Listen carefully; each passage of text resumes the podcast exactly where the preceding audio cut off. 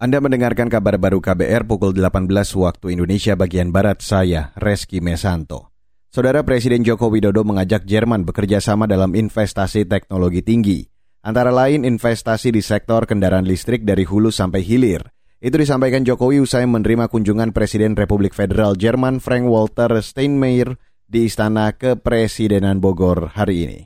Saya mengajak industri Jerman untuk mengembangkan pabrik semik konduktor di Indonesia dan menjadi industri menjadikan industri ini bagian dari rantai pasok chip global dan untuk berinvestasi di kawasan-kawasan industri hijau di Indonesia. Presiden Jokowi juga menawarkan kerjasama untuk membangun Jerman Industrial Quarter di kawasan industri Indonesia. Jokowi mengatakan akan ada penandatanganan nota kesepahaman atau MOU antara Kementerian Perindustrian dengan industri di Jerman.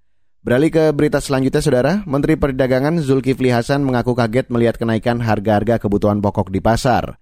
Dia memantau harga kebutuhan pokok di Pasar Cibubur sehari setelah dilantik menjadi Menteri Perdagangan. Zulkifli mengatakan kebutuhan pokok yang terpantau naik harga di antaranya cabai merah, telur, daging ayam.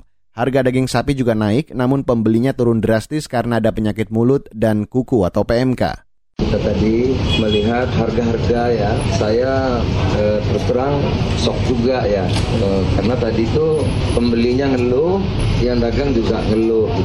Eh, terasa sekali memang eh, beban hidup itu meningkat dan itu kita tadi lihat langsung akibat harga-harga kebutuhan pokok yang semuanya hampir naik, hampir semuanya, kecuali beras, hanya beras yang tidak. Menteri Perdagangan Zulkifli Hasan menyebut masalah utama kenaikan bahan pokok disebabkan ketergantungan pada impor. Dia akan berkoordinasi dengan kementerian lainnya untuk mengendalikan harga dan ketersediaan bahan pokok. Saudara Korea Utara melaporkan munculnya wabah penyakit tak dikenal. Hari ini, penyakit yang menyerang saluran pencernaan itu ditemukan menyerang warga sebuah wilayah pertanian. Mereka menyebutnya sebagai pandemi enteron akut atau gangguan usus. Dikutip dari Antara, pemimpin Korea Utara Kim Jong-un memerintahkan pengiriman obat-obatan ke kota pelabuhan Heiju di kawasan barat. Kantor berita negara Korut tidak menyebutkan jumlah orang yang terjangkit. Mereka juga tidak merinci detail penyakit yang menyerang. Wabah ini dilaporkan muncul di tengah gelombang tinggi COVID-19 di Korea Utara.